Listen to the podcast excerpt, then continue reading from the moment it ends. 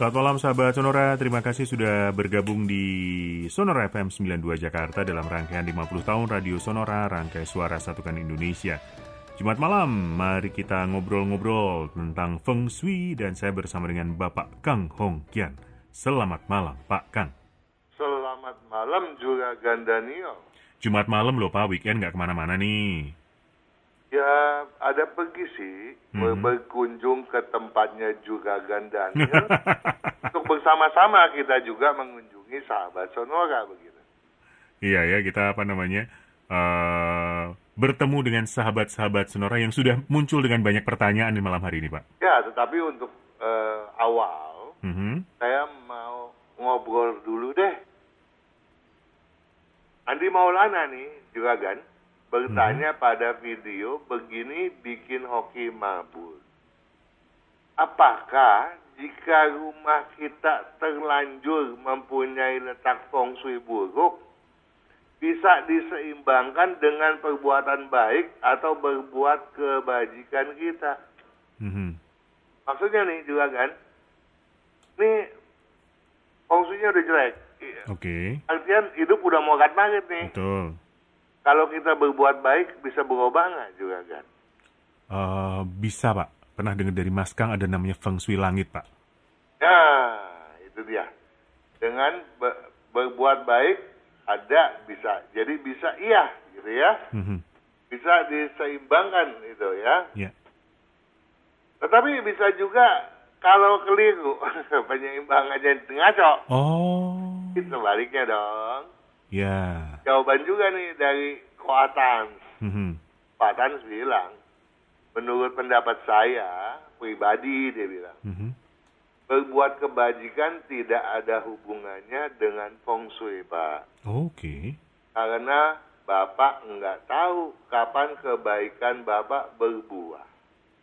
Oh, Kehidupan ini, kehidupan Ya, akan datang atau membayar kesialan yang lebih besar Mhm. menjadi lebih ringan.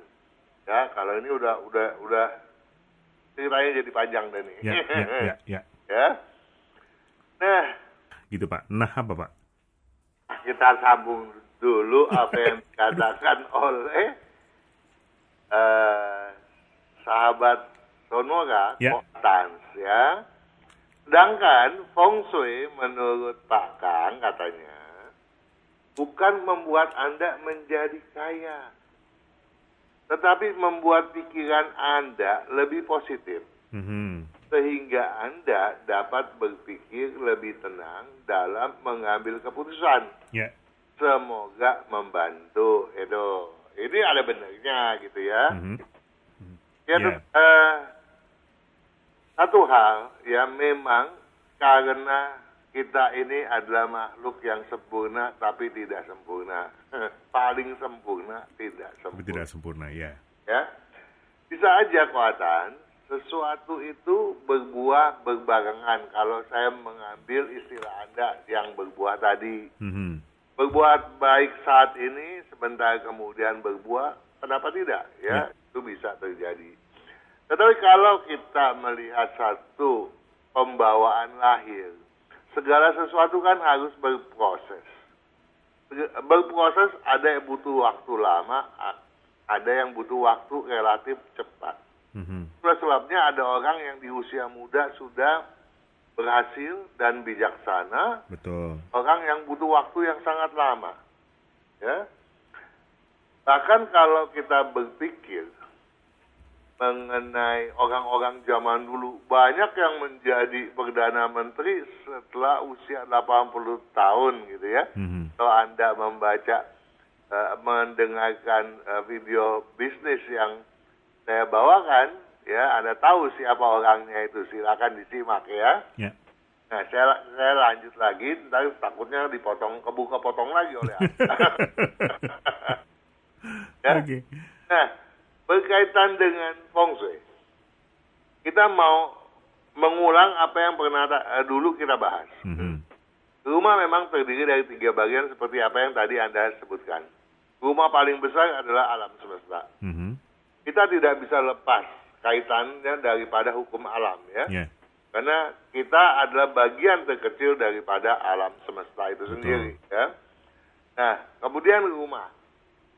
Rumah yang berpijak pada bumi kita bangun tentu saja harus sesuai dengan dinamika tanah itu sendiri. Kalau kita keliru, ya kita jangan-jangan akan sering kali dihantam oleh badai, oleh erosi, dan oleh sebagainya. Mm -hmm. Ya kita mesti tahu tanda-tanda alam. Ya, bumi adalah yin, langit adalah yang. Ya, yeah. itulah rumah kita yang kedua. Ini kita garis besar aja ya juragan ya. Yeah. Dan rumah yang terkecil adalah tubuh kita ya, psikis oh, dan yeah. termasuk fisik kita. Oh. Tentu saja harus kita rawat uh, sebaik-baiknya ya. Nah itu sebabnya manusia adalah yin yang itu sendiri. Yin pada bumi, yang pada langit. Ya. Yeah. Yang pula maka manusia dianggap sebagai makhluk yang paling sempurna. sempurna gitu ya.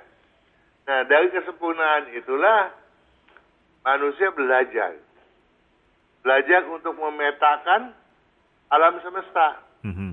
uh, misalnya, mengapa para leluhur kita mm -hmm. itu sudah mengajari kita kalau membagi kehidupan, misalnya pada uh, katulistiwa dengan dua musim, musim uh, penghujan dan musim kemarau. Mm -hmm. Dan pada uh, area lain empat musim, ya toh? Betul. Nah itu diatur kan juga kan. Ketika musim dingin, makanya harusnya apa, bekerjanya jam berapa sampai jam berapa, gitu kan? Mm -hmm. Nah, oleh sebab itu manusia dan bangunan itu punya satu ikatan senyawa. Oke. Okay.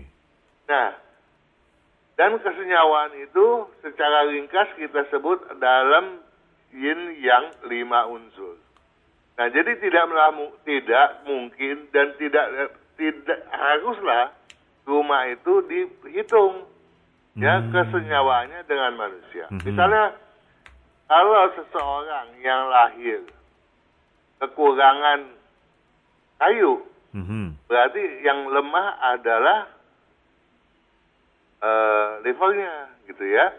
Maka kalau orang zaman dulu ya, yang diperkuat bukan hanya levelnya tetapi adalah pula ginjalnya. Karena ginjal air yang menyokong level. Level okay. yang menyokong api ya, ya, ya. Uh, uh, apa tuh jantung. Mm -hmm. Jantung yang menyokong uh, lambung ya, pencernaan lambung yang menyokong paru dan paru yang menyokong uh, ginjal, begitulah seterusnya, ya. Okay. Nah ini harus dihitung, bukan main asal tebak. Dengan oh, kata lain, okay. feng shui bukan sesuatu yang main tebak-tebakan, yeah, yeah. bukan sesuatu yang sifatnya mistik. Seperti mm -hmm. tadi kita di awal, uh, angka empat. Kenapa mesti ditakuti dengan angka empat? Hmm. Kita nggak perlu takut. Ya. Karena itu cuma kan kesamaan penyebutan. Betul. Kenapa kita mesti khawatir me dengan uh, menempatkan uh, jok uh, ya atau uh, ran apa jemur ranjang di atas mobil. Mobil. Mm -hmm. Terus nama yang dimiringkan ke satu sisi. Ya, ya, ya. Ya karena segala sesuatu ada hitungannya. Nah, ada pandangan yang mengatakan bahwa feng shui adalah kebaikan juga kan. Hmm. Gak perlu dihitung. Kalau hmm. Anda baik, Anda bakal sukses dan Anda kaya. Yeah. Nah kalau kemudian kita beranggapan seperti itu, kita ini mengajarkan kekeliruan. Hmm. Kita mengajarkan kesalahan bukan juga kan. Lantas bagaimana dengan orang yang setiap hari bangun dari pagi sampai pagi lagi dia banting tulang setengah mati tapi nggak kaya-kaya? Iya. Lantas apa yang kita mesti jelaskan pada dirinya? Mm-hmm. Oh kamu orang yang jahat kalau begitu. Padahal dia hidupnya baiknya setengah mati. Apa mm-hmm. yang dia nggak tolong sama orang? Mm-hmm. Apa kita mau kasih pasang stempel dia sebagai orang jahat? Enggak toh? Iya. Dia orang yang baik dan kita harus sadar dia baik. Ya maka daripada itu saya mau menutup penjelasan ini. Saya ingat dengan satu kalimat bagus dari sahabat saya yang sangat baik, almarhum Ebet Kadarusman. Dia selalu berujar, memang baik menjadi orang penting. Mhm. Namun jauh lebih penting menjadi orang baik. Betul. Jangan karena kepengen jadi orang penting, kemudian yang baik diselewengkan. Oke. Ya bukan? Betul. nah, komentar Anda bagaimana, Juragan? Iya iya. Eh apa namanya? Eh saya pikir semuanya akan menjadi menjadi menjadi saling berhubungan begitu ya. Eh poinnya dari sisi manusianya memang eh, perbuatan baik itu eh, perlu dilakukan. Kemudian di sisi lain bagaimana keselarasan dengan alam dalam tanda kutip rumah dan sebagainya juga memang harus diusahakan begitu. Betul, baik adalah salah satu tujuan daripada keseimbangan. Itu salah satu prinsip daripada feng shui, serasi, selaras, dan seimbang. Mhm. Ya, orang yang berpikir serasi, selaras, dan seimbang, otomatis dia menjadi orang yang baik. Ya. Kalau orang yang tidak baik, dia nggak akan bisa berpikir serasi dan selaras dan seimbang. Mhm. Iya toh? Betul. Tetapi orang yang baik belum tentu dia bisa kaya. Ya, ya. Ya, jadi jangan orang yang tidak kaya kemudian kita kasih dia stempel sebagai penjahat. Betul, betul. Jangan-jangan dia malah korban si penjahat. Ya. Kesian dong. Iya. Udah jadi korbannya penjahat, malah dikasih stempel sebagai penjahat. Baiklah, Pak Kang, terima kasih sudah berkenan menjawab malam hari ini. Kita akan berjumpa lagi minggu depan, Pak Kang.